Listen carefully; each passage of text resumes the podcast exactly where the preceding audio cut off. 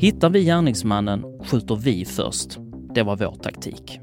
Nu var det bara adrenalin, stresspåslag. Vi var övertygade om att gärningsmannen fanns där någonstans i folkhavet. Välkommen till tidningen Svensk Polispodd med reportage ur polisernas egen tidning.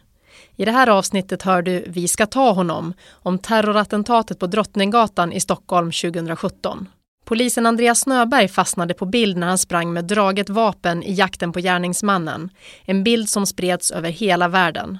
Här hör du hans berättelse i ett reportage skrivet av Åsa Erlandsson och inläst av Filip Annas. Det här är ett terrorbrott. Det var det första jag sa när larmet kom. Jag hade jobbat dagpass och satt och avrapporterade. Helt plötsligt, strax före klockan 15, så fick vi höra att det var skadade och döda på Drottninggatan. Sen var det tyst en stund innan fortsättningen kom. En lastbil.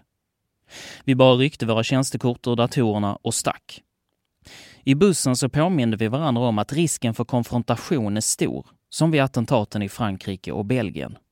Det skiljer terrorbrott från andra brott. Gärningsmannen försöker inte komma undan. Just där och då så var jag så fokuserad att jag faktiskt inte hade några särskilda tankar. De kom först senare. Om rädslan för riskerna hade tagit över så skulle vi fått stanna bussen. Nu var det bara adrenalin, stresspåslag. Vi skulle vinna detta, ta honom. Så var det bara. Hittar vi gärningsmannen skjuter vi först. Det var vår taktik. Vi svängde upp vid Mäster Samuelsgatan och såg hur människor sprang mot oss samtidigt som vi lastade ur för att inte själva bli en måltavla. Samtidigt så fick vi till oss att det var skottlossning i närheten så jag och mina kollegor drog våra vapen och började springa upp på Drottninggatan. Vi var övertygade om att gärningsmannen fanns där någonstans i folkhavet. En terrorist har bättre beväpning än jag, kanske ett bombbälte, och är beredd att dö. Det fanns inga säkra platser och jag tänkte att jag måste hitta honom först innan han hittar mig. Jag märkte inte att jag blev fotograferad. Vi hittade ingen gärningsman. Istället såg jag en kvinna ligga på marken. Hon saknade delar av sitt ben. Jag inser att jag måste försöka hjälpa henne samtidigt som gärningsmannen skulle kunna dyka upp var som helst. Jag ropade åt en man i kostym som visade sig vara polis. Han tog på sig en poliskeps och vi började bära kvinnan till en ambulans. En annan kollega gick före och var våra ögon. Vid det här laget var vi många på plats. Kollegor sökte igenom Åhléns. Det var patruller i varje gathörn. En pappa kom fram till mig och frågade efter sin lilla dotter som var på bio med sin skolklass. Är hon säker? frågade han. Men det enda jag kunde svara var att alla som är inomhus måste stanna kvar där tills vi evakuerar. Jag såg på honom hur orolig han var. Vi försökte få bort folk från området, men en man vägrade så det blev en brottningsmatch där vi fick lägga ner honom. Sen visiterade vi honom noggrant. Anspänningen var hög. Efter ett tag blev jag platschef vid Centralbadet för vittnesupptagningen. Restaurangägaren öppnade sina lokaler för oss och fixade vatten och kaffe.